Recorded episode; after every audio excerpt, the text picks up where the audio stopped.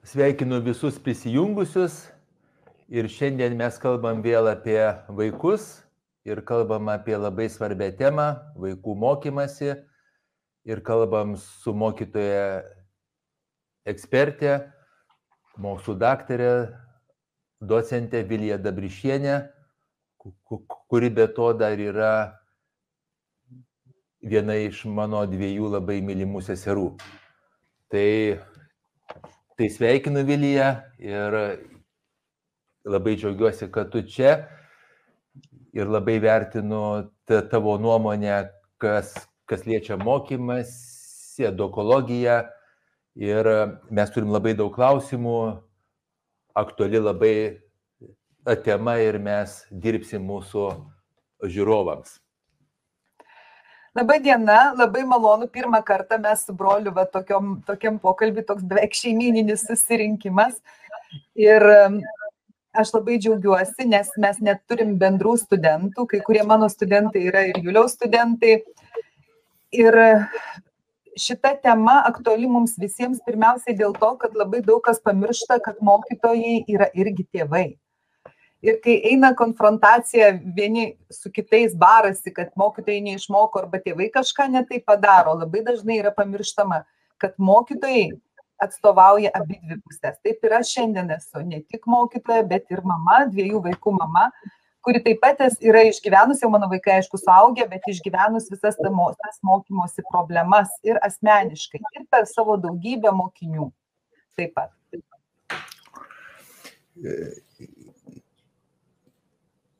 Jeigu mes kalbam apie savo ateitį ir apie savo šeimų ateitį ir, ir savo valstybės ateitį, tai mano galva mes turim kalbėti apie mokymasi.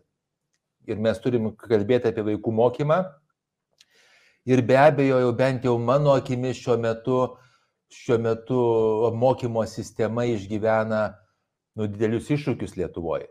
Tai kaip tu iš mokytojos pozicijų matai tuos iššūkius, nes aš manau, kad čia beveik kaip ir formuojasi jau tobula audra, nes tų iššūkių yra daug ir jie, jie slenka iš visų pusių ir sueina į vieną, į vieną labai audringą dalyką. Labai daug kalbam apie tuos iššūkius, bet aš pirmą kartą girdžiu va, taip stipriai įvardinant audrą ir aš visiškai sutinku šita sistema mokymosi, kuri šiuo metu yra ne tik Lietuvoje, visam pasaulyje, ta klasės pamokos sistema, jinai susiformavo 17 amžiui. Ir jinai buvo paremta tuo, kad žmogus neturėjo jokios informacijos ir Dievas buvo mokytojas. Ji labai gera buvo, bet šiuo metu viskas, viskas visą laiką kalbama apie personalizaciją mokymosi personalizacija ir būkim tikrai atviri, mokykla šio laikinė to padaryti niekaip negali.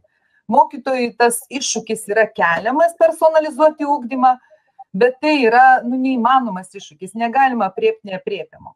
Ir šitoj situacijoje kiekviena pusė iš trijų jaučiasi beviltiškai ir bejėgiškai. Ir mokiniai jaučiasi bejėgiškai, negaudami savo reikiamos pagalbos, ir mokytojai jaučiasi bejėgiškai, negalėdami padaryti to, ko iš jų reikalaujama. Ir tėvai jaučiasi bejėgiškai. Tai tikrai grėsia gal ne audra, bet didelė, didelė reforma, peržiūrėjimas, visos tos klasės pamokos sistemos peržiūrėjimas. Mhm. O, jeigu tai va, pažiūrėti, ko mokykloje mokoma. Vedžiau vakar mokymus ir aš ir aš nekėjau apie tai, kad 12 metų vaikai mokosi. Ir jeigu paklausim, o ko jie išmoksta per tą 12 metų? Ir gal būtų šaunu mum aptarti, ko turėtų mokykla mokyti, jeigu mes pažiūrėsim labai labai moderniai, naujoviškai. Vat ką 12 metų vaikai paskiria ilgą laiko tarpą. Ir patys, sakyčiau, svarbiausia, svarbiausia savo gyvenimo laikotarpį, kai jūs smegenys atsivėrę mokymuisi, o, o jeigu dar pridėsim mes prieš mokyklinį ūkdymą, ne, nuo 3 metų, tai gausis 15 metų, 16 metų. Tai, tai va, kaip mes turėtum žiūrėti šitą mokymosi procesą, pradedant nuo norimo galutinio rezultato. Jeigu kalbėti apie ūkdymo turinį, ko mokosi, ta prasme, grinai turinio prasme, tai aš manau nėra labai prasminga.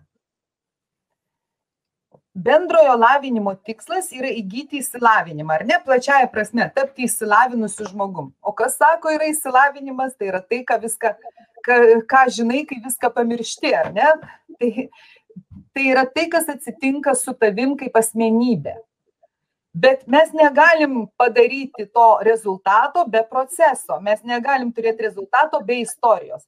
Tai va visa ta istorija mokykloje, kurią mes 12 metų darom, mokinamės įvairiausius dalykus, pačius įvairiausius, kurių galbūt kaip tokių mums gal kažkur tai mes jų ir nepritaikysim, bet įsilavinimą mes teoriškai turėtumėm įgyti, ar ne?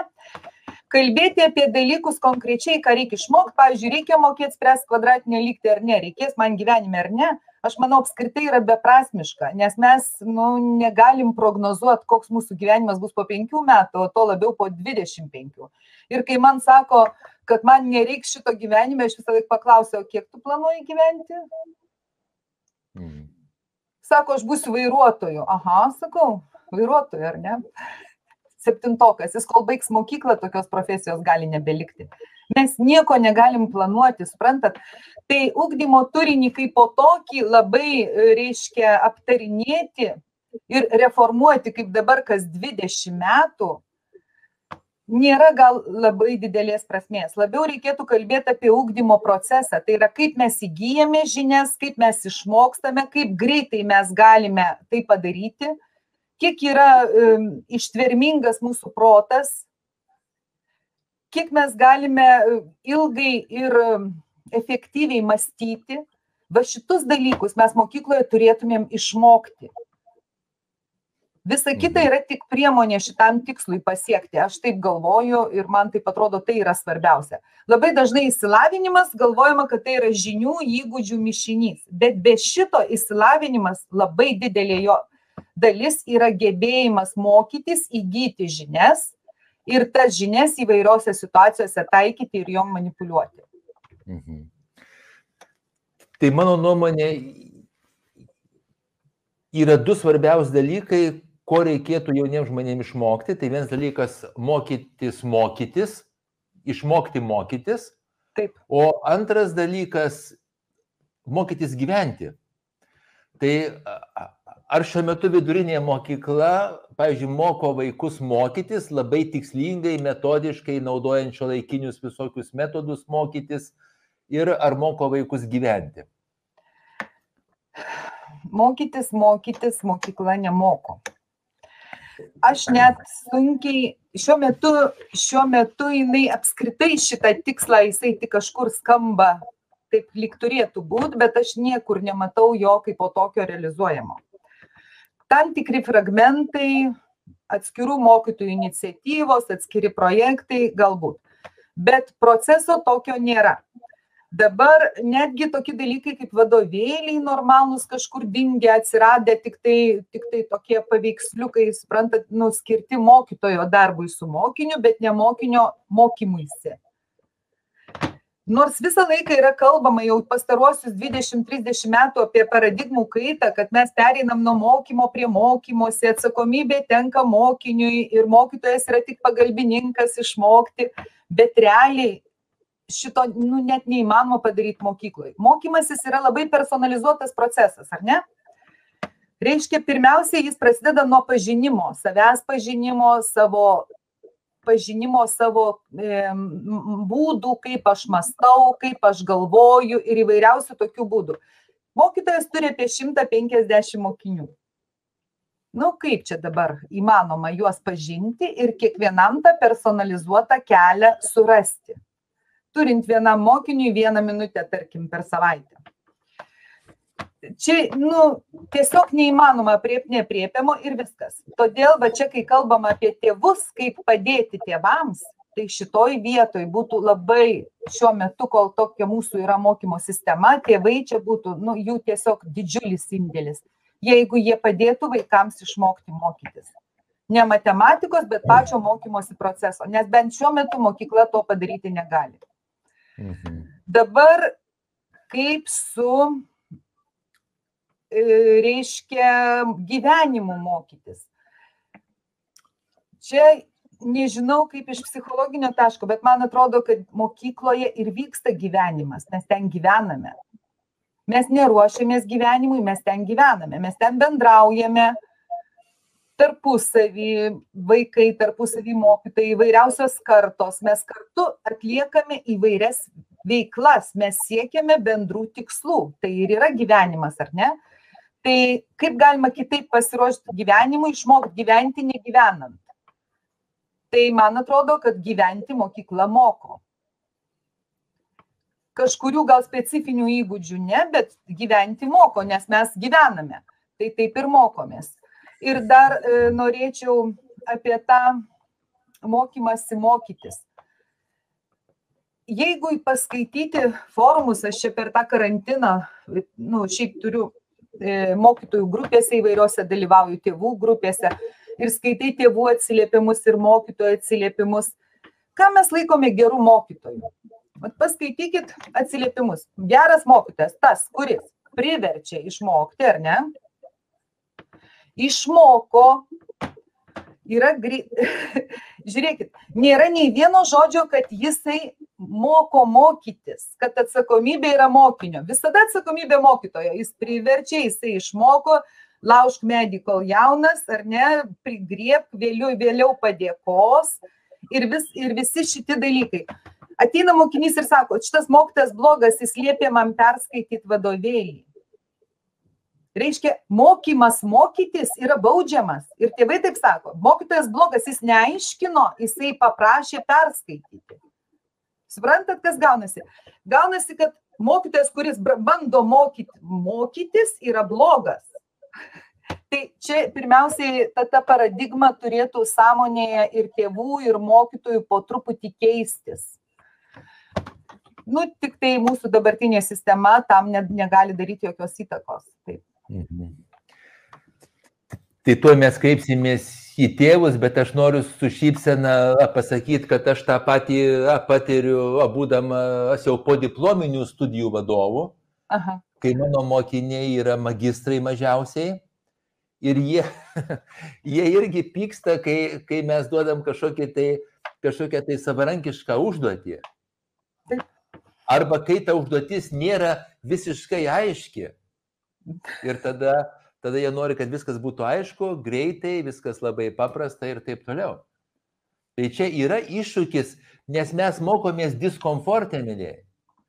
Mokymosi procesas vyksta ne komforte ir ne panikoje, bet vyksta diskomfortė. Jeigu mes norim mokytis, mes nuolat save turėtumėm laikyti tam tikram diskomforte ir apdovanoti save periodiškai, kad mums įsiskirtų ten dopaminas ir kiti vadinamieji kabutėse laimės medžiagos.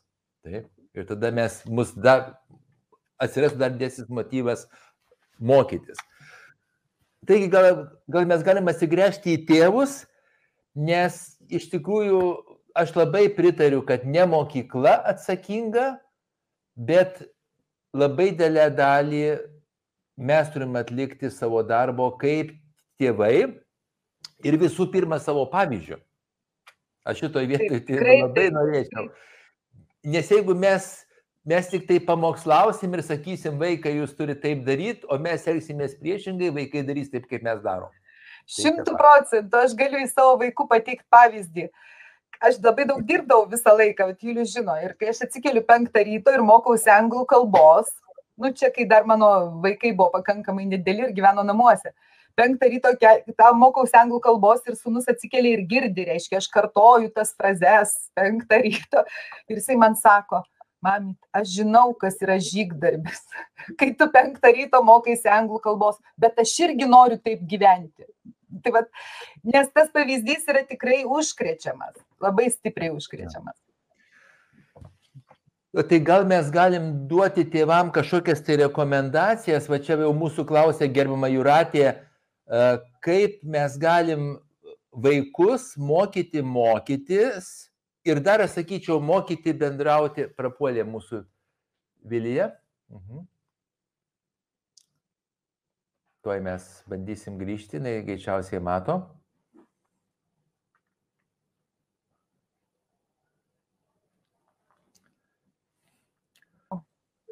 Ar vėl Vilija, jau, jau vėl atsiradai.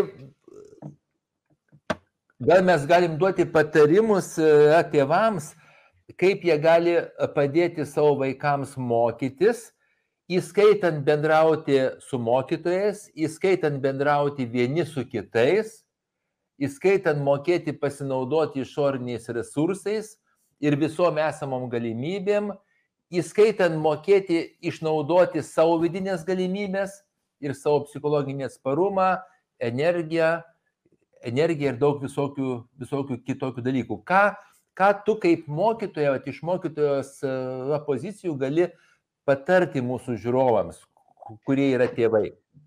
aš labai labai daug čia priformuluota klausimo, aš tikrai turiu ką į tai atsakyti, bet ne gal ne, ne visai viską, nes jau čia labai mhm. stipriai. Taip. Pirmiausiai, aš norėčiau galbūt kalbėti ne tiek, kiek mokytoja, nes labai mane ta konfrontacija e, tarp mokytojų ir tėvų žaidžia. Mhm. Ir aš suprantu tėvus, aš pati sakiau, aš esu mama ir suprantu, jie grįžta po darbo, jie pavargę, jie turi pasirūpinti namų ūkių, jie turi visko, ir dar čia ateina vaikas, reikia su juo ruošti pamokas, kaip tėvai įsivaizduoja, reikia su juo ruošti pamokas. Pamokų ruošimas su savo vaikais pavirsta dažniausiai kuo? Konfliktų. Mes visi labai sunkiai pergyvenam, reiškia, savo vaikų kažkokį nesupratimą arba nesėkmės aš pati asmeniškai dirbdama su šimtūkstančiais mokinių nelabai pykstu ant jų, bet ant savo vaikų visada supykdavau.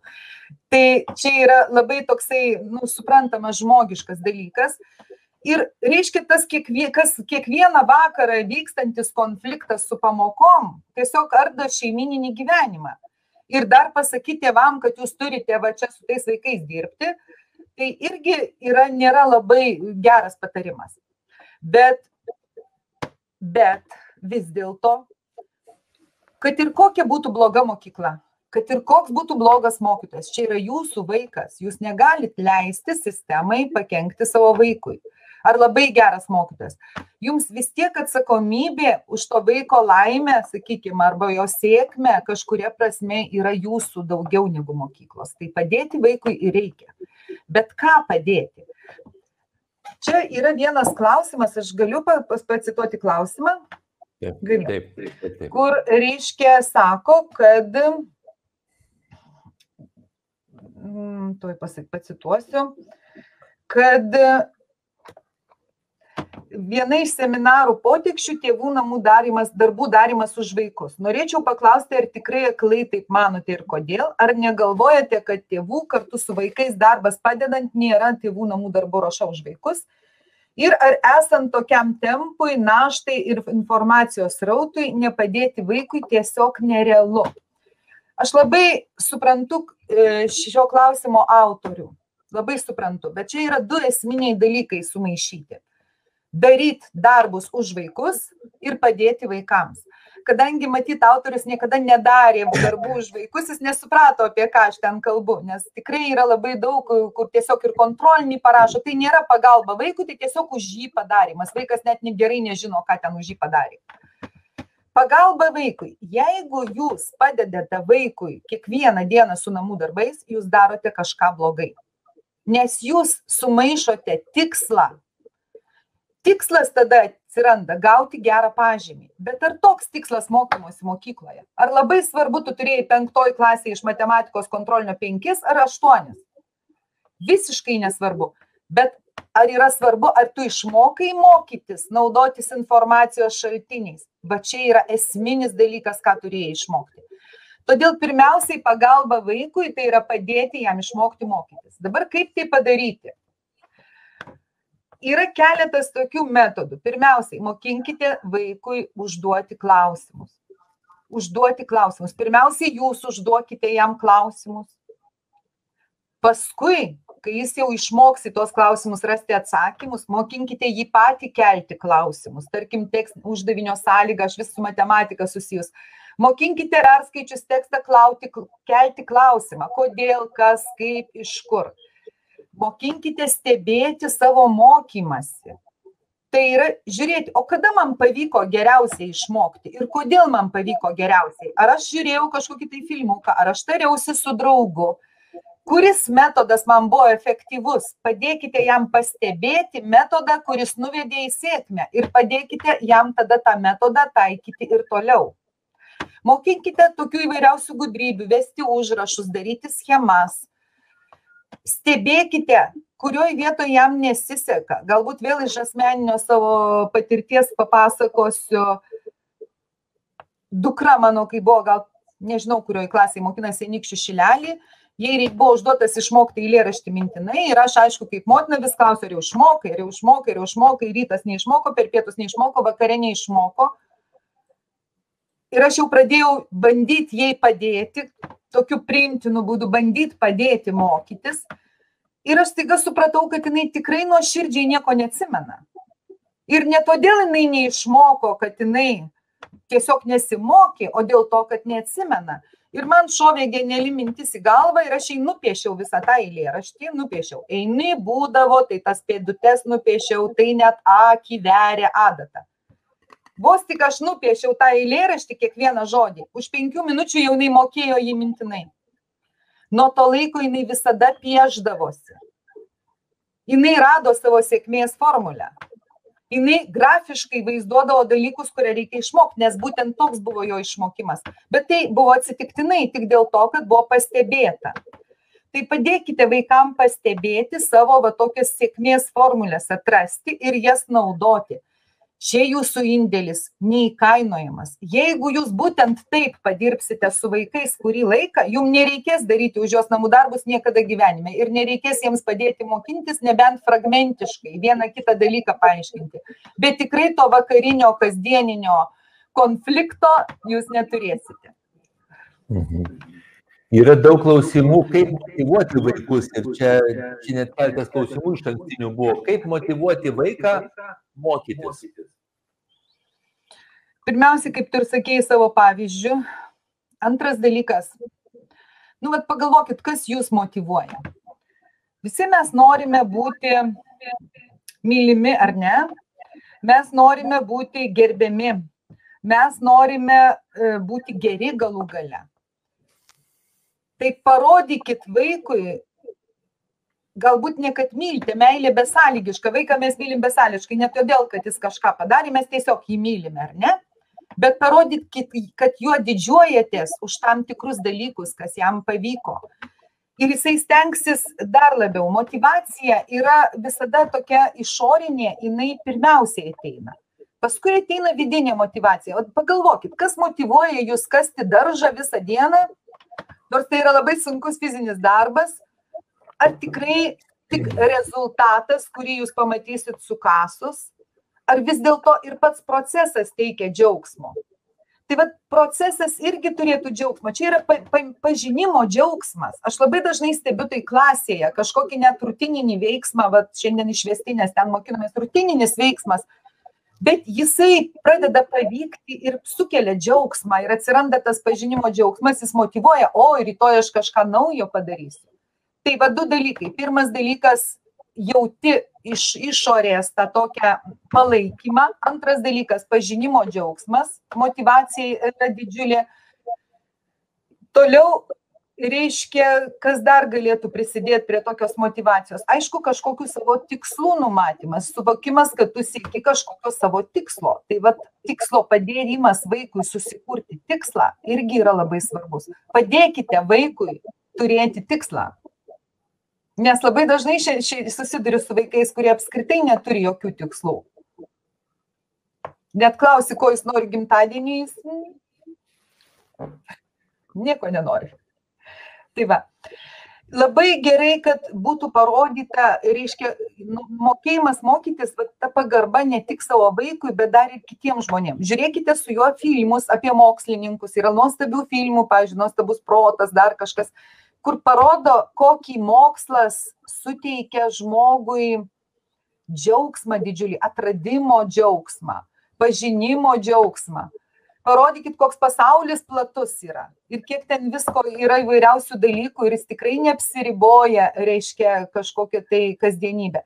Ir dar vienas dalykas aš paskutiniu metu labai dažnai susiduriu su vaikais, kurie absoliučiai nesuriša to, ko mokosi mokykloje, su savo gyvenimu. Kaip Julius sakė, reikia ruošti e, gyvenimui ir ne, nesuriša. Klausi mergaitės, kokio ilgio yra metras, jinai sako, vad gal tokio. 16 metų. ir aš galvoju, nu kodėl taip atsitinka. Ir greičiausiai tai atsitinka todėl, kad mūsų būtis yra nepaprastai paprasta dabar. Skalbimo mašinos ir visa kita, mes nenaudojam visokių dalykų būtyje. Bet nebūtinai, nejaugi per 16 gyvenimo metų niekarto nebuvo pirktas jos baldas namuose ir nereikėjo pamatuoti, ar jisai telpa. Nejaugi nebuvo jokio remonto ar ten dar ko nors mes neįtraukiame vaikų į savo kasdieninę rutiną gyvenimą, į maisto gaminimą, kur reikia pagal receptą perskaičiuoti kažką tai. Būtų labai gerai, kad kasdieniniam gyvenime mes jiem parodytumėm tam tikrus dalykus, kurioje vietoje man čia prireikė biologijos, o kurioje vietoje aš panaudojau istorinės žinias. Kalbėkite su vaikais, monologus keiskite dialogais. Nu, ir aš savo monologą gal baigiu. Super, super, bet žinau, galėčiau klausyti, klausyti ir klausyti. Aš labai labai pritariu dėl vidinės motivacijos ir vis dėlto kviečiu, kad mes girtumėm jo vidinę motivaciją. Ne, ne mes sakytume, kad tu šaunuolis gavai pažinti, bet tu, bet tu šaunuolis, kad tu, kad tu sieki savo tikslo. Tik šimtų procentų. Labai svarbu. Tas labai svarbu. Ir tada mes galim. Viso, nu, nu, tas pažymys. Kas yra pažymys? Ar tai yra tikslas, ar tai yra tik tai rodiklis, kurios, ką tu pasiekiai, ar ne? Tai tik rodiklis, tai jokių būdų netikslas. Tai šito niekada nepamirškim, tėvai nepamirškim. Ir vaikam neleiskim pamiršti. Mhm. Aš tai dar, aš tai dar labai uh, kviečiu šeimoje turėti tikslą iš viso mes mokom, at jeigu mes priėm, kad mes mokom tuo, ką mes darom, tai, tai dabar išgirskim, jeigu mums mokymasis vertybė ir jeigu mes prieimam bet kokias pamokas gyvenimo ir neigiamas kaip mokymasi, ir tada sakom, užsimokėjau už mokslą ir tampu protingesnis, kai patyriau vadinamą nesėkmę, Ir mes nuolat kalbam apie mokymasi kaip apie labai gerą dalyką. Jeigu mes turim šeimoje tikslą, jeigu mes turim šeimoje taisyklės, labai aiškiai parašytas ant šaldytuvų arba ant sienos, įrėmintas ir, ir jų laikomės.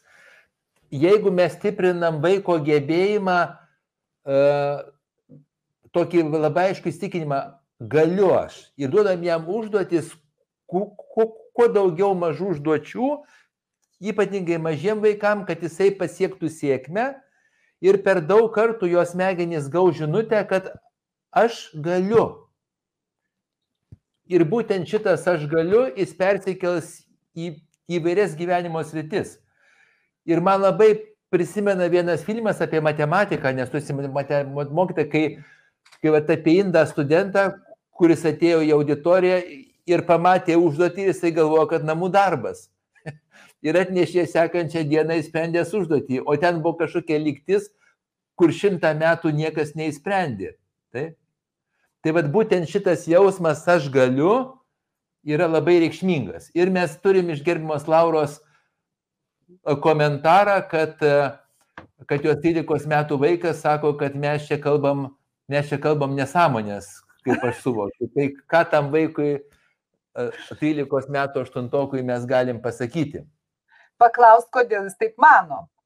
Va čia yra, suprantat, vaik, kalbėjimo su vaikais esmė. Paklaus, kodėl jis taip mano. Tegul pagrindžia savo nuomonę. Aš tai dar vieną klausimą užduočiau. Kas yra sąmonės? Kas yra ne, sąmonė?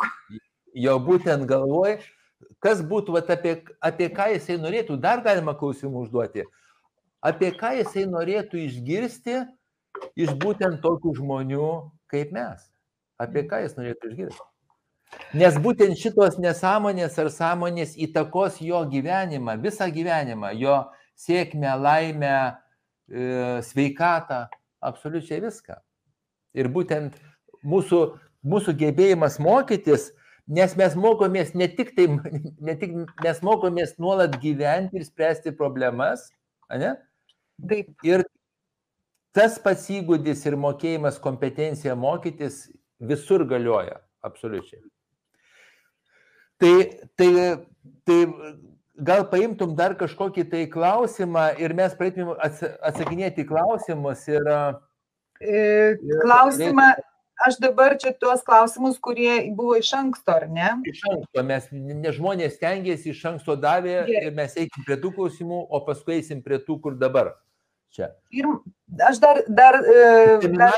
Apie mokymasi vienas yra, aš esu padaręs vieną seminarą apie mokymasi, abiturientų tenais daugiau jau desnių klasių mokinių ir esu padaręs nemokamų įrašų irgi galite pažiūrėti žmogaus instituto platformoje.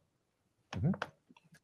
Taip, tai Dabar tai pirmas klausimas yra ne visai apie mokymasi, čia kuriuos turiu. Pirmas klausimas yra e, apie, apie mokinukų savęs žalojimosi smurto nevaldomo pykčio problemą. Taip.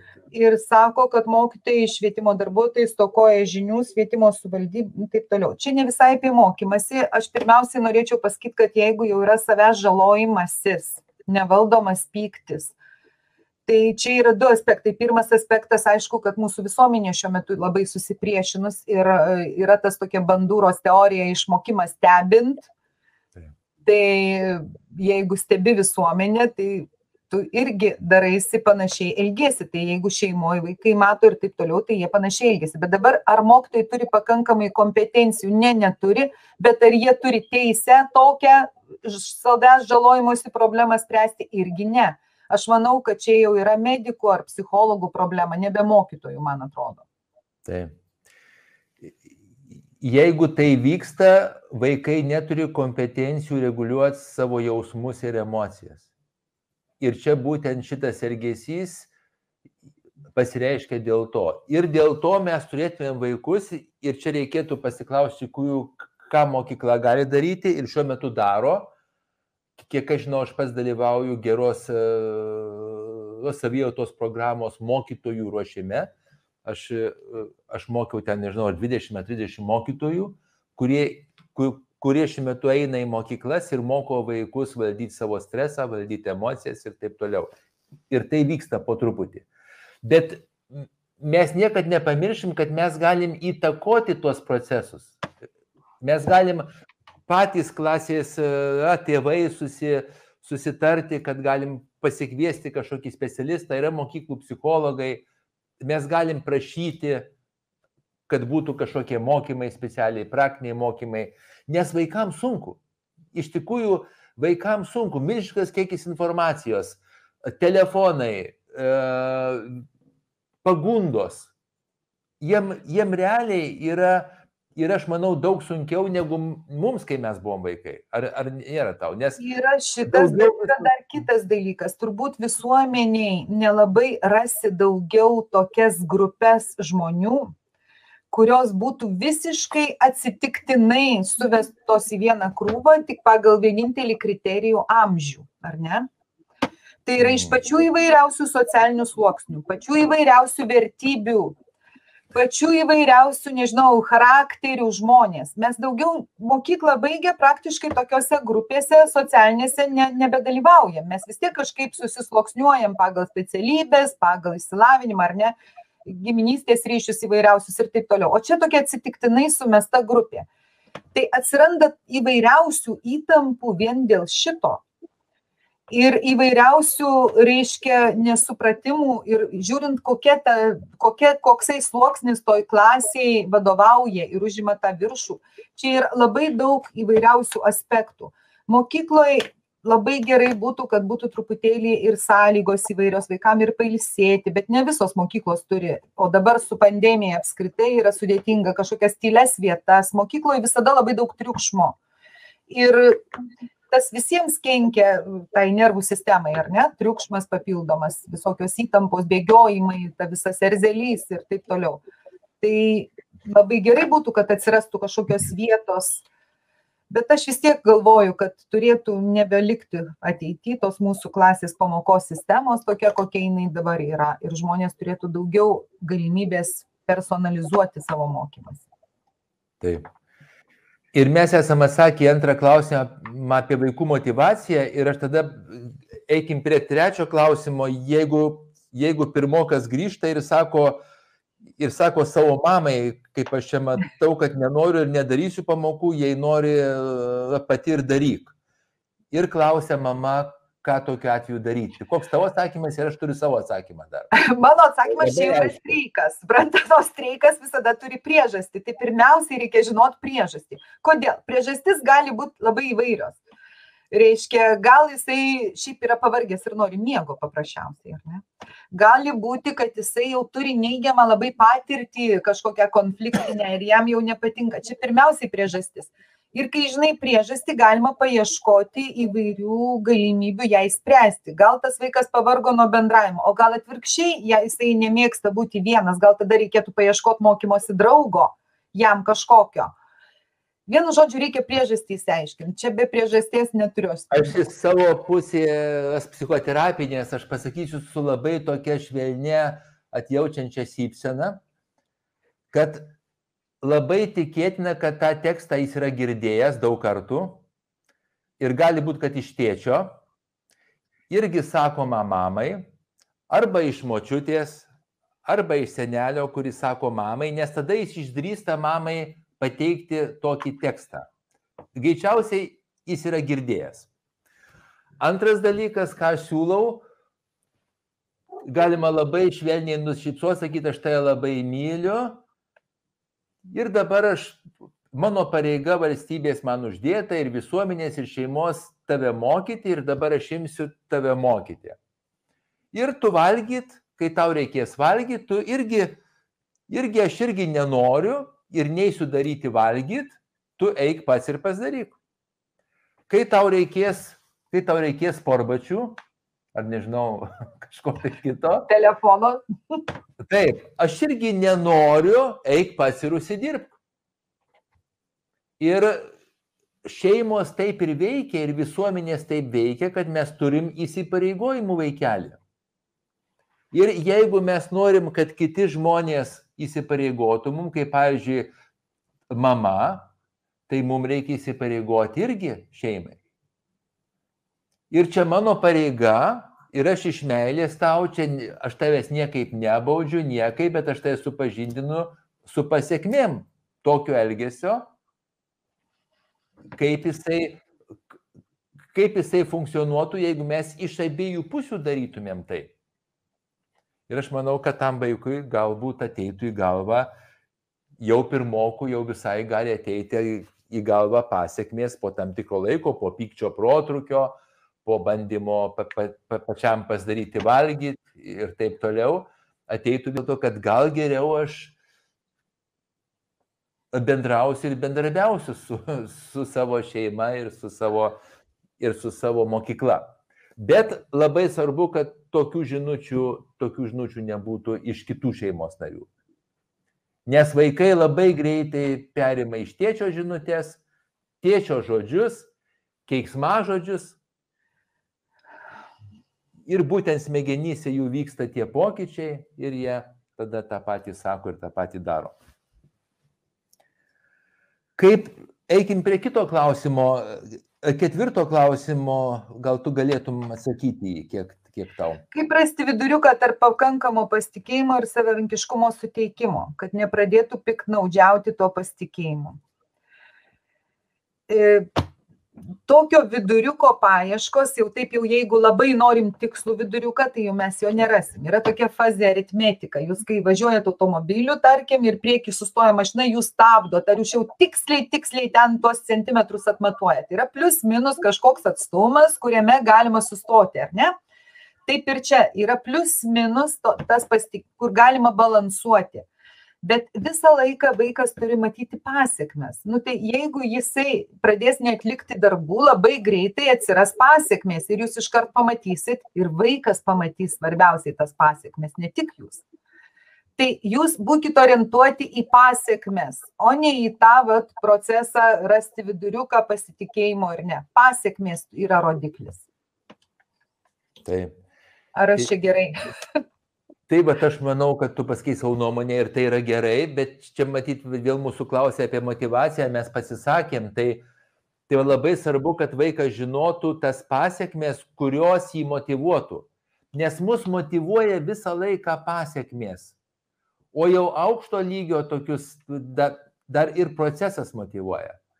Tai va irgi reikia labai pažiūrėti, kiek procesas motivuoti, kiek pasiekmes, bet jeigu mes vaiką giriam, tai šiuo metu iš psichoterapijos pusės yra labai aiški nuostata, kad mes turim girti ne rezultatą, ne pažinį, bet pastangas.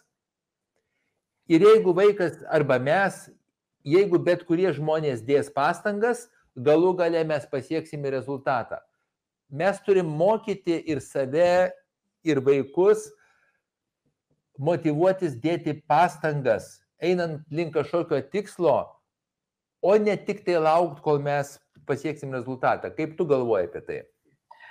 Tai aišku, kad taip, mes turim tą visą procesą mylėti, tame tarpe ir klaidas, ir visa kita, nes nu, labai dažnai dabar va, tos mados yra, kad, tarkim, sakome, kad klaidos čia yra, nu, nu, mes turime visą procesą mylėti. Kiekviena klaida yra pamoka, ar ne? Mes nesakom, kad klaida yra gerai, suklysti yra gerai, aš taip niekada nesakyčiau, bet klaida yra pamoka.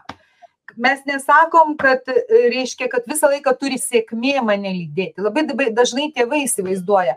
Ir aš labai suprantu, nes labai skauda, kai tavo vaikas krenta, ar ne? Labai skauda Man atrodo, tu kažkada sakei per sporto varžybą, čia mano vaiką muša, negaliu tai tai žiūrėti. Tai taip yra skaudu, vaikas yra, va, jam nepasisekė, nepavyko, bet mes negalim atimti iš jo nesėkmių, mes negalim izoliuoti jo nuo gyvenimo.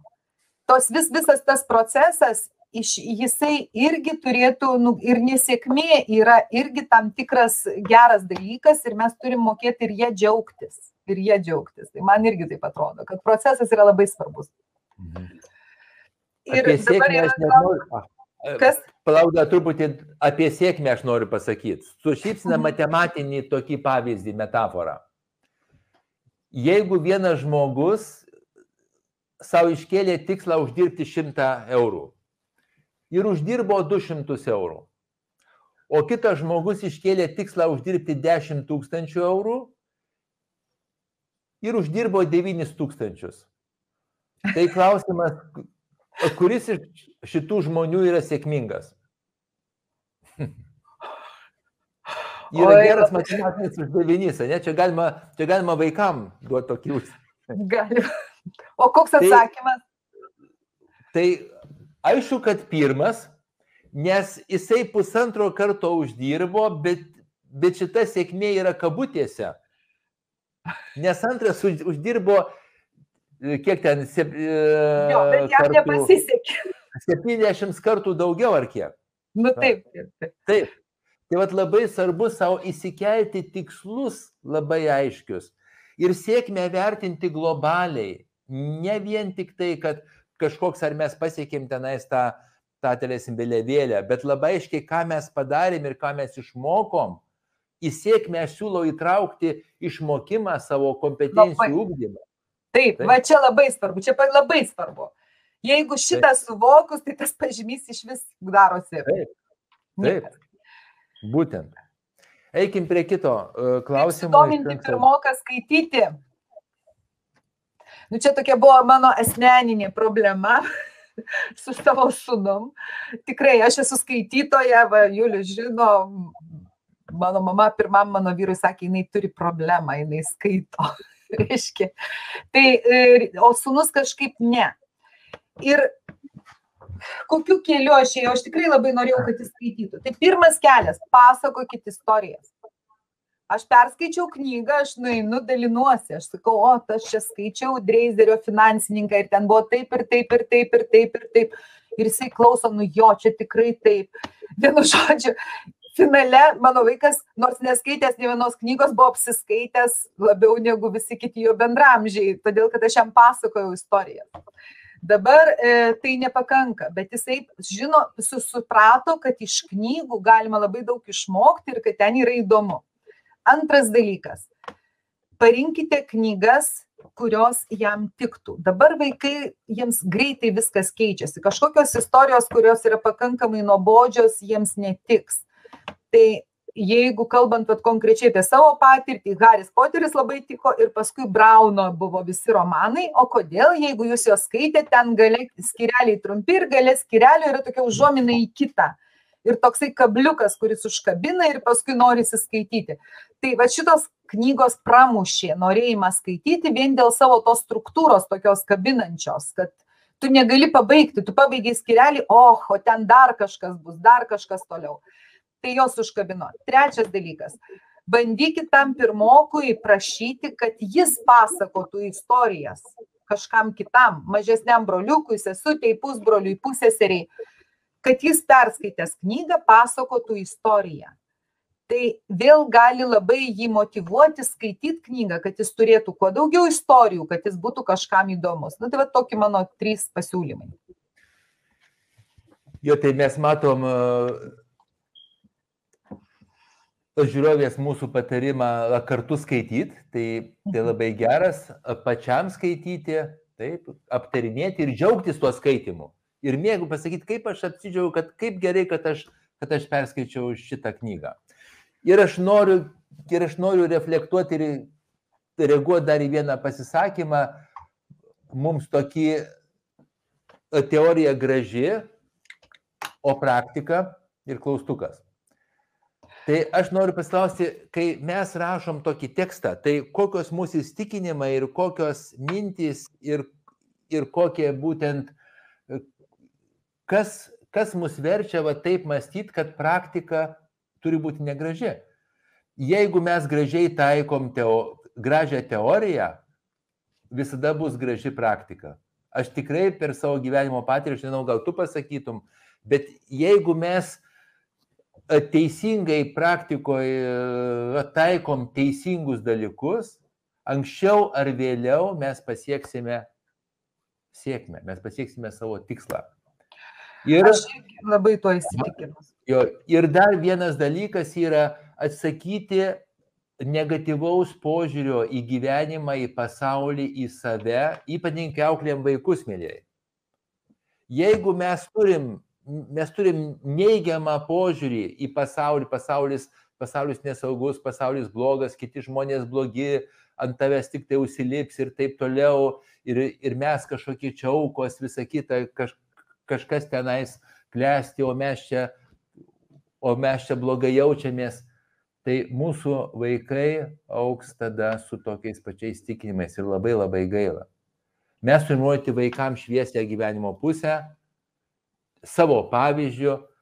Šviesioji pusė visada yra mėnėjai ir net tamsiojoji pusė yra šviesioji pusė. Ir šviesiojoji pusė yra tamsioji pusė ir kas manęs klauso, ta žino, kad kad, kad jeigu išlošime milijoną, turėsime daug problemų. Labai daug žmonių nori išlošti milijoną. Arba, nežinau, 10 milijonų dar blogiau. Arba dar daugiau. Bet praktika rodo, statistika rodo, kad dauguma žmonių, kurie išlošia tokias sumas, jam baigėsi labai labai liūdnai gyvenimas. Labai liūdnai.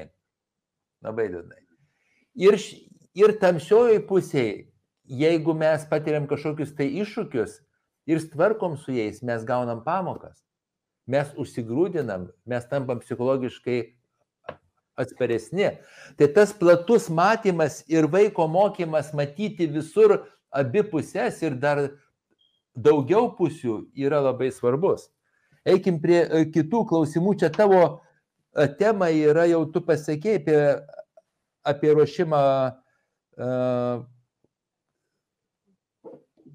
namų darbų. Taip, ar dar namų darbų čia pasakyta, reikia priminti, yra labai konkretus klausimas, ar reikia priminti. Tai aš turiu labai konkretų atsakymą į tai. Aš manau, kad vaikas turi turėti dienotvarkę. Ir ne tėvai turėtų priminti, bet dienotvarkė priminti. Man taip atrodo. Nes ta rutina, jinai visada labai sustato viską į savo vietas. Gal čia dabar nemadoju tą discipliną ir rutiną, bet jinai tikrai žmogui labai padeda ir planuoti savo laiką ir, ir rasti laiko įvairiausiam pomėgiam ir viskam. Tai aš manau, kad vaikas turi turėti dienotvarkį ir dienotvarkiai turi būti aiškus laikas, kada jisai ruošia namų darbus, tada galbūt tėvam ir neteks priminti. Ir tas konfliktinės situacijos tokios nebus. Mhm. Bet aišku, dienotvarkiai yra įprotis, įprotis kiek laiko formuojasi, tris savaitės ar kiek ten? Tai aštuonias savaitės. Aštuonias savaitės, va, įpročiai formuotis reikia laiko, tai, bet aš manau verta, verta. Mhm. Ir dar vienas klausimas yra labai svarbus, ar tėvų pagalba yra blogai, ar gal geriau palikti vaiką likimo valiai ir pažiūrėti išplauks ar ne. Tai va aš pasinaudosiu psichoterapinę patirtimį. Vieną techniką mes turim labai labai teisingai veikiančią, tai yra laipsniška ekspozicija nepalikti plaukti, įmesti iš valties į ežerą ir kad vaikas pažiūrėt, ar jisai išplauks ar ne. Ne. Bet mokyti jį plaukti su meile, su tokiu rūpeščiu, mokyti jį plaukti ir truputį įtalpinant į savotišką diskomfortą vos vos ir paskui labai labai giriant už, už pastangas. Taip. Šimtų tai procentų, nu kaip palikti. Taip, jokių būdų nepalikim vaiko. Jokių būdų nepalikim, jokių būdų ne, aš čia matau dėl ko, bet sakau, bet žiūrėkit, jeigu jūs metai iš metų, pirmoji, antroji, trečioji, ketvirtoji, penktoji, šeštoji klasiai, darot kartu su vaiku namų darbus, reiškia darot kažką blogai. Tai neduoda jokio rezultato. Keiskit metodiką, nes tai jau tampa, nu, jūs perimat iš jo atsakomybę, jūs neišmokėt jį mokytis. Tai reiškia, pagrindinis tikslas yra pamestas.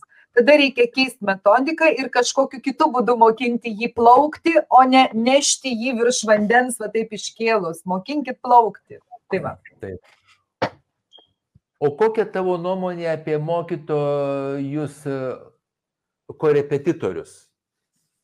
Kaip tu galvoji, nes jie irgi padeda vaikams, jie irgi, va, kaip, kaip kaip čia, vat, ir yra prieštaringos nuomonės apie tai? Prieštaringos. Yra mano irgi labai nuomonė prieštaringa. Dabar aš kaip daugybę metų dirbus korepetitorium pasakysiu taip. Jeigu vaikui reikia korepetitoriaus irgi metai iš metų, tai arba keiskit korepetitorių, nes tai reiškia, kad blogai. Matot, ta korepeticija irgi įgauna tam tikrą prasme, kad vaikui yra paduodamas va, tas sukramtytas ir apdirbtas be jokių pastangų tas turinys. Reiškia, vėl maišomas tikslas ir rezultatas. Koks mūsų tikslas? Išmokti spręsti kvadratinę lygtį, ar išmokti mokytis matematikos, ją suprasti, perskaityti tekstą. Tai jeigu išmokt spręsti kvadratinę lygtį, korepetitorius tikrai padės, tikrai padės, jisai išmokins, va, vėl išmokins, atitreniruos, tokiam behavioristiniam, kaip tas Pavlovas su šuniuku, žinot, tokiam būsenai. Bet jeigu mes norim išmokinti mokytis, yra situacijų, kai korepetitorius būtinas, atsirado kažkokios didelės spragos, nu neįmanoma. Tiesiog matematikoje, pavyzdžiui, be, be, jas nelikvidavus kažkur eiti tolyn kažko nesupranta. Bet jeigu tas korepetitorius dabar prasideda nuo pirmos klasės ir baigia dvyliktą ir visą laiką jis tik tai ruošia tam kontroliniui, tai, tai tada nėra jokios prasmės, nes tada tikslas yra kontrolinio dešimtukas, bet nemokėjimas mokytis, nemokėjimas suprasti, nemokėjimas naudoti.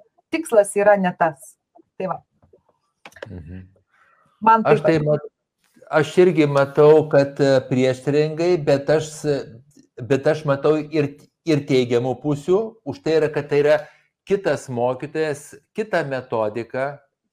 Ir jeigu būtent tas kitas mokytojas moko spręsti ne tą vieną uždavinį, bet moko, bet moko įspręsti va, tokią uždavinių grupę arba tokio tipo uždavinius, jeigu jis plečia vaiko, vaiko galimybės į plotį arba į gilį, tai tada tas mokytojas yra labai naudingas. Yra o jeigu jis tik sprendžia už tą vaiką arba paruošia to vaiko pamokas, tai aišku, kad jis daro žalą. Tai čia be abejonės. Yra tokių korepetitorių, kurie ta, tokio suduoda platesnio matymo, moko mąstyti. Taip. Bet žiūrėkit, korepeticijos firmas, mes per mėnesį pagerinsim jūsų vaiko rezultatus trim balais per mėnesį pagerinsim rezultatus trim balais. Tai per mėnesį taip pagerins, išmokins padrašyti tris kontrolinius, bet niekaip per mėnesį ne, nepaveiksi to mokėjimo mąstyti. Tai čia yra labai jau, sakyčiau, reklama prasta.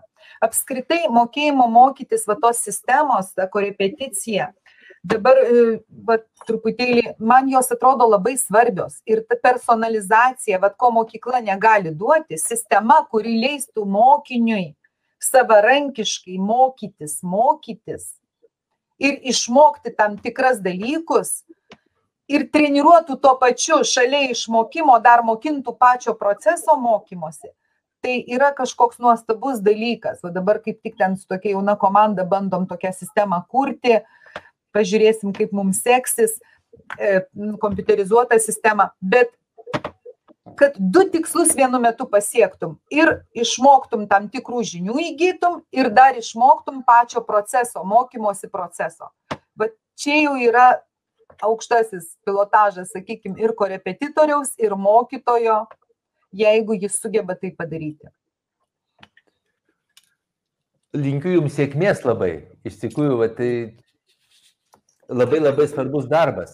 Ir tada mes liktai atsakėm į klausimus, kur gavom iš anksto ir, ir tada eikim prie tų klausimų, kur turim čia. Ir yra klausimas apie vaikų elgesį, elgesį žalingą. Pradėkim nuo galo ir man sunku čia įsuprasti gal tą klausimą taip iki galo, ypatingai jo paskutinį sakinį, bet, bet va, jeigu vaikai smurtauja, jeigu jie jeigu jie nesilaiko taisyklių ir jeigu jie siunčia mokytojus, kaip čia sako, kažkur tai mhm. toli, tai, tai, tai kaip tada mums elgtis, ką tada mums daryti? Čia dabar kalba po karantino. Ir iš tikrųjų, aš matau, čia prieš paskutinis klausimas, taip? Taip. Po karantino aš dabar irgi va toj mokykloje dirbant, iš tikrųjų labai keista, aš net nelabai suprantu kodėl, bet mokinių elgesys yra šiek tiek pasikeitęs. Pirmiausiai, rezultatai labai stipriai mokymosi pablogėja, mokėjimo mokytis gebėjimai pablogėja ir bendravimo gebėjimai pablogėja. Aš galvoju, kad jeigu nebus dabar to antro karantino ir visa kita, viskas atsistatys. Atsistatys, reikia laiko ir reikia tam tikros rutinos rutinos. Ir kuo mes turėsim mažiau įvairiausių iššūkių dabar mokykloje su įvairiausiais hybridiniais, kuo labiau bus ta rutina ir laikas, tuo viskas grįš į savo vietas. Iš tikrųjų, tas mokinių vaikų nesiskaitimas su mokytojais ir taip toliau, čia sako, aš irgi susiduriu, gal aš irgi susiduriu. Kartais, va, nesenai va čia buvo man toksai, bet tu suvokt turi, kad kad tas vaikas ne visada turi galvoj tai, ką pasakė. Dažniausiai jo kažkokia tai frazė nemandagi ar įžuli, jinai nebūtinai reiškia tą, ką jisai sako, kartais jinai reiškia tai, kad jis ne, ne, nemoka kaip į save atkreipdėmėsi arba kažkaip nori tiesiog pasako visai ką kitą. Reikėtų truputėlį nu, atlaidžiau žiūrėti į tokius dalykus ir pačiam neprimti labai asmeniškai ir bandyti tiesiog įvesti tos vaikus į tą rutininį tokį mokymąsi, į pažinimo džiaugsmą, kad pamoka teiktų džiaugsmą ir viskas bus gerai, nu, kažkaip susitvarkys. Manau, kad po karantino viskas atsistatys po kurio laiko. Aš tai irgi jaučiu, bet tą tokį kažkokį sutrikimą šiuo metu. Mhm. Ilgą, ilgą laiką vaikai negavo bendravimo įgūdžių. Tai čia labai didelis nes mes čia kalbam apie, apie bendravimą, komunikaciją, taip, ir tada čia sukėlė problemas. Bet iš savo pusės psichoterapeuto aš vis dėlto užduočiau, užduočiau du tokius dar du klausimus, vat, jeigu taip elgis vaikas. Tai vienas klausimas, o ką tu nori tuo pasiekti? Vat, kai, tu, kai tu nusikeiki klasiai, arba kai tu darai tą, tarysim, nesilaikai, ko tu sieki Ko tu sieki vaikeli? Ko tu sieki? Labai įdomu, bet pasakai viską tą patį. Aš turėjau praeitą savaitę klasiai problemą, kai aš kažką, reiškia, baigiantis pamokai, sakiau, kad man reikės pakalbėti su jumis asmeniškai apie rezultatus ir vienas vaikas man pasakė viso gero. Ir aš tada jo klausiu, o koks buvo tavo tikslas? Tu norėjai mane įžeisti? Lygiai lygiai tas pats, koks buvo tavo tikslas? Ir aš matau iš jo veido, ne, jo tikslas buvo netoks bet tu padarėjai būtent tai, ar ne? Tai kaip čia dabar buvo? Reiškia, tu tiesiog nesugebėjai išreikšti savo kažkokių kitokių minčių ar emocijų ar dar kažko. Taip. taip. Ir dar tada vat, apie tai, nes jeigu, jeigu mes nesilaikom taisyklių, ar mes esam vaikai, ar suaugę, bet kokio amžiaus, mes, mes savo viduje esam vaikiškam režime. Bet kas mus stebi, tas žino. Jeigu mes nesilaikom ribų ir taisyklių, mes esam vaikiškam režime, labai mažo vaiko režime. Ir dar galim pasakyti, kad iš tikrųjų, iš tikrųjų mažytukai, va tu dabar elgiesi, elgiesi va taip ir aš noriu tavęs pasiklausti, koks čia tavo tikslas, tai vienas dalykas. O antras klausimas yra, o, o kokiu tu pasiekmių nori? O kaip norėtum, kad aš tau atsaką, atsaką duočiau ir suformuočiau į tavo elgesį šitą? Irgi, irgi labai labai geras klausimas. Labai labai geras, kad vaikas pradėtų galvoti nuo galo, ko jisai nori ir tada formuos savo elgesį. Ir dabar eikim dar mes į priekį, jeigu mums parodytumėt e, klausimus su, su, su Vilija, tai mes matytumėm dar daugiau klausimų. Tada gal Vilija, tu pažiūrėk. Na, aš bandau. E, konkrečių pavyzdžių, kaip mokytis matematikos. Taip. Su matematika yra sudėtingi dalykai, todėl kad tai turbūt vienintelis e, dalykas mokykloje, kuris yra paremtas visiškai piramidės principu. Tai reiškia, neturint pagrindų, tu paskui nieko nebegali padaryti. Ir mokant matematikos, jeigu dar šeštoji, penktoji klasiai nematai tokių dalykų, bet jeigu pasiimi vyresnės klasės, kurių anksčiau nemokiai, bent aš labai dažnai susiduriu tokiu vaikų visiško bejėgiškumo jausmu. Jie absoliučiai suvokia, supranta ir galvoja, kad jie nesugeba šito išmokti ir čia negali. Visiškai. Yra toksai ir realus tas bejėgiškumas, bet yra dar toks išmoktas bejėgiškumas. Yra tokia savoka psichologija. Yra, yra. Yra išmoktas bejėgiškumas. Yra labai žinoma savoka. Taip. Labai žinoma. Ir bet man tas išmoktas bejėgiškumas visą laiką kelia irgi bejėgiškumo jausmą, nes aš nebeturiu laiko tiek per pamoką padėti tam vaikui to bejėgiškumo atsikratyti. Ir aš labai jaučiu kartais, kad, kad galiu padėti, jeigu skirčiau jam tikrai daug laiko, vos ne šalia atsisėdus tiesiog priverščiau jį tam tikrus dalykus perskaityti, pasižiūrėti, jaučiu, kad aš galėčiau padėti, bet, nu, aš tiesiog fiziškai negaliu. Tai matematikoje labai dažnai su tuo susidurėm. Tai mokantis matematikos tėvam patarčiau. Jokių būdų nepraleisti tų pagrindų penktą, šeštą, septintą, aštuntą klasę. Viskas. Jeigu šitoj vietoj mes neturim pakankamai žinių, tai reiškia, jau toliau bus labai sudėtinga jas įgyti. Labai sudėtinga.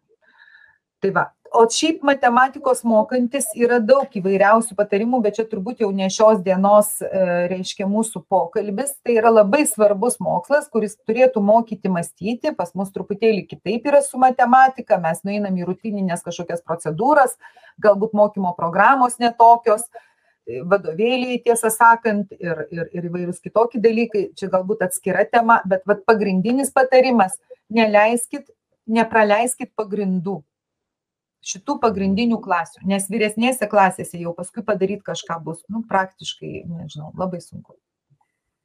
Taip. Ir dar, vat,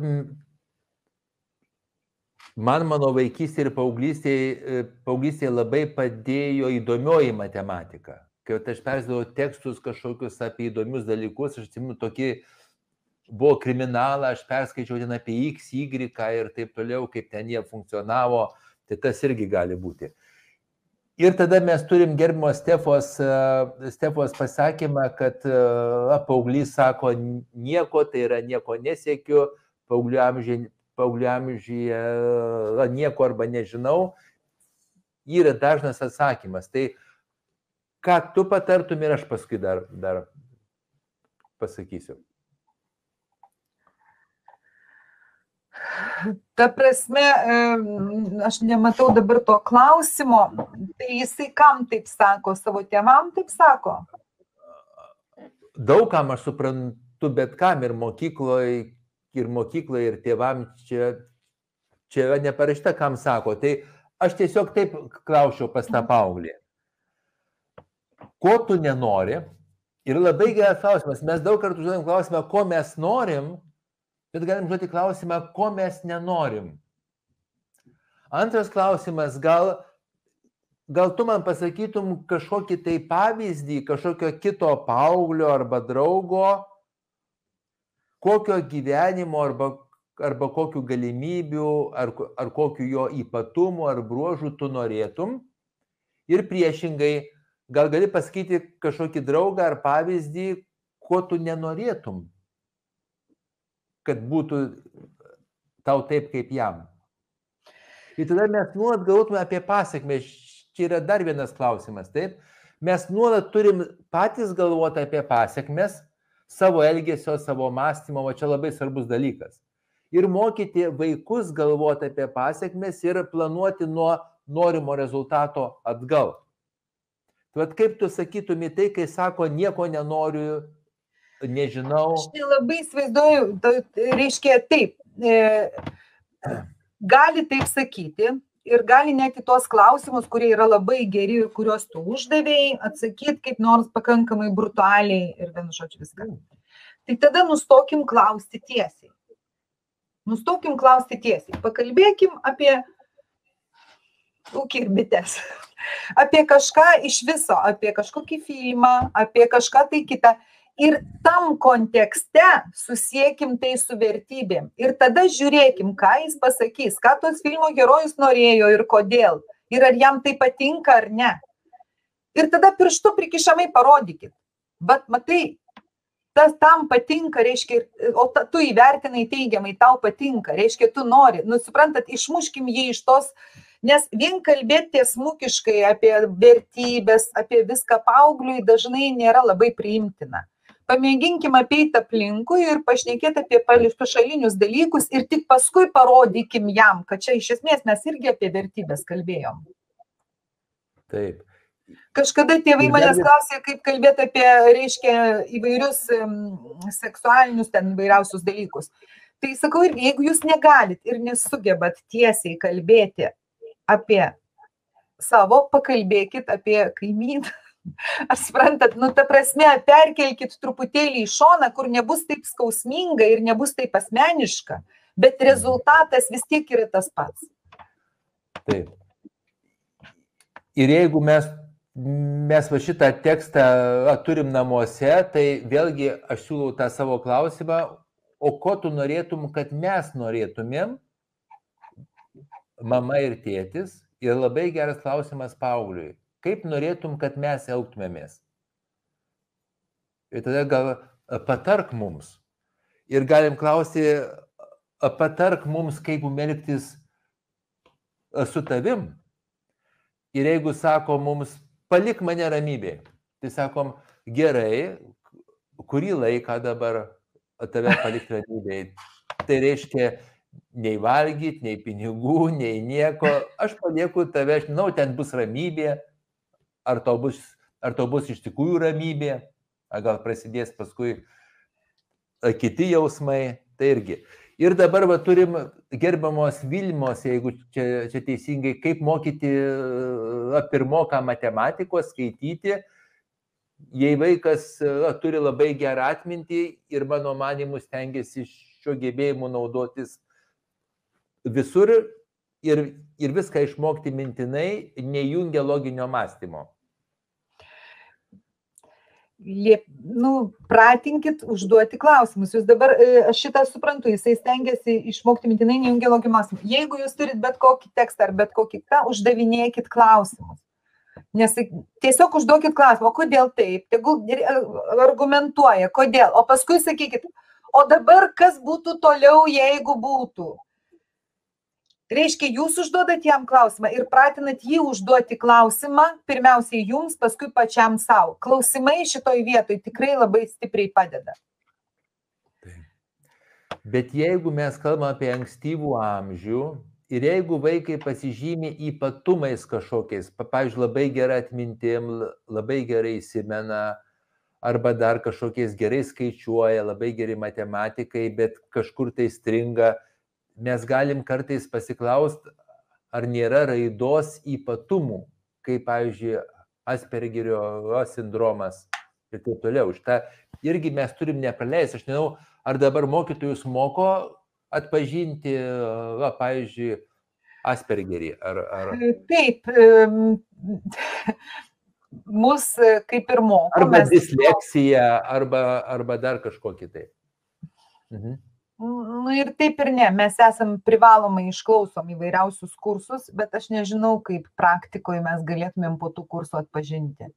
Čia yra daugiau toksai.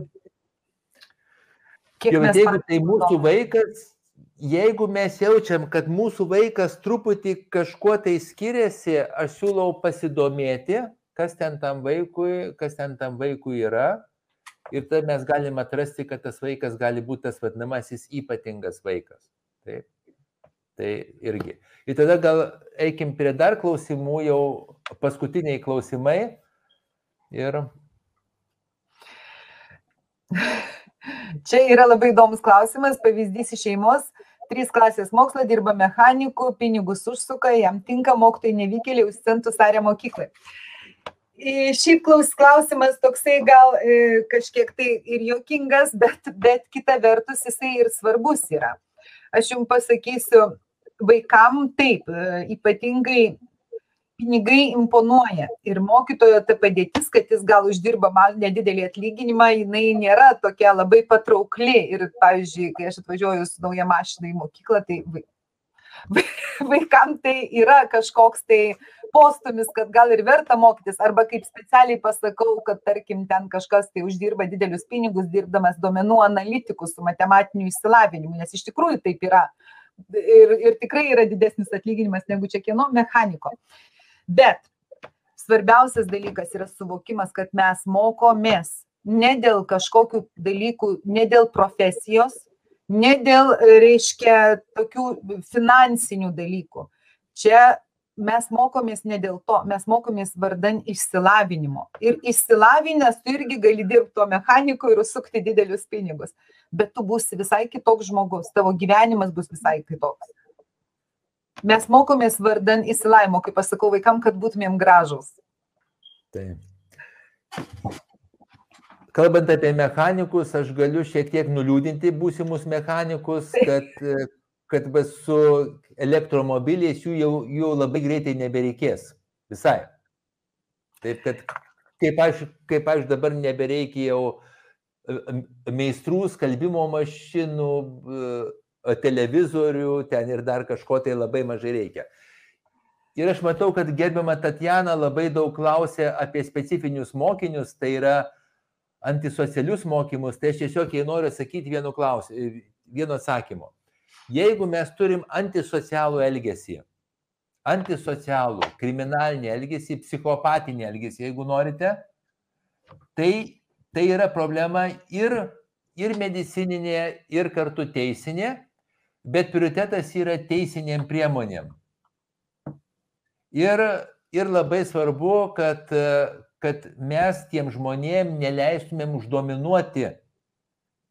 Ir labai svarbu apsaugoti kitus žmonės nuo šitų žmonių elgesio ir tam yra, ir tam yra valstybinės institucijos ir taip jau. Čia jau, čia jau ne pedagogika.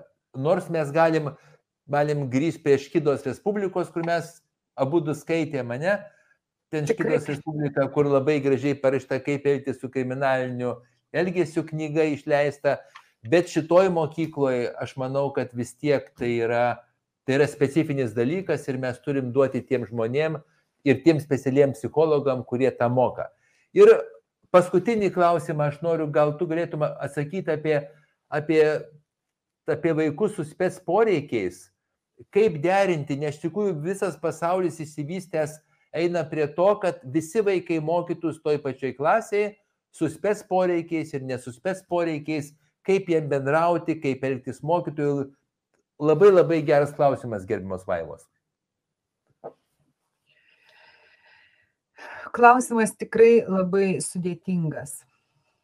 Aš galvoju, kad tas ėjimas su spets poreikiais integracijos yra labai pozityvus. Ir jis tikrai turėtų toks būti ir vaikai turėtų mokytis kartu. Ir tuo pačiu aš galvoju, kad esamoje mūsų sistemoje tai yra neįmanoma.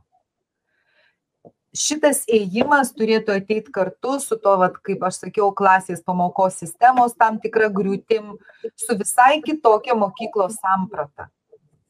Nes šiuo metu neturint nei mokytojų pagalbininkų, turint tokias klases po 30 vaikų ir, ir integruoti kokybiškai spets poreikių turinčius mokinius, 2-3 toje klasėje su skirtingais spets poreikiais, labai stipriai nukentės tie vaikai, mes negalėsim jų tų spets poreikių patenkinti.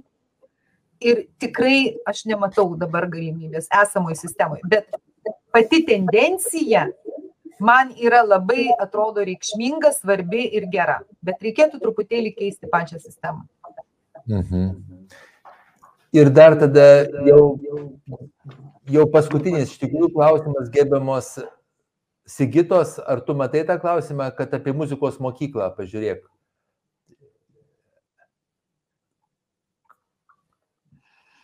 Vaikai lankom. Esame nusprendę muzikos mokyklą. E, su muzikos mokykla yra taip. Mes abu baigėme muzikos mokyklas, ar ne? Nors pasirinkom visai kitus kelius, ne muziką. Aš kažkuriais metais, e, reiškia, nu, sunus buvo mano laimėjęs stipendiją, mokėsi tokioje labai pasauliniai spets šik mokyklai ir įsivaizduoju, ten 90 procentų vaikų buvo baigę muzikos mokyklas muzikos mokykla vaiko išsilavinimui duoda nepaprastai daug. Tiesiog labai sunku pervertinti šitą įtaką, tiek mokantis kitų dalykų, tiek bendram išsilavinimui, tiek darbo įgūdžių susiformavimui. Ir muzikos mokykla yra tikrai labai geras dalykas. Kaip vaikam atlaikyti šitą? Yra gana sudėtinga, nes, nu, turbūt mes visi žinom, kurių vaikai mokėsi muzikos mokyklose, jie susiduria pastoviai, tai yra didžiulis darbas, sunkus darbas, vaikai kiti žaidžia, tik tokai, kaip jūs sakot, makiažas ir taip toliau, o tu čia turi groti kažkokią tai melodiją, kartoti ir kartoti, ir tai yra sudėtinga.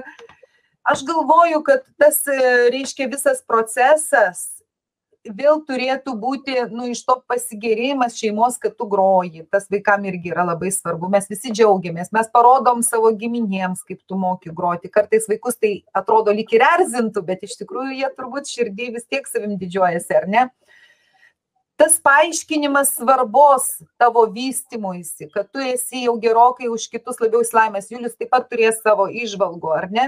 Bet aš dar vieną dalyką pasakysiu, va, dėl muzikos mokyklos irgi iš asmeninės, čia kažkas sakė teorija, o kaip praktika. Tai va iš praktikos.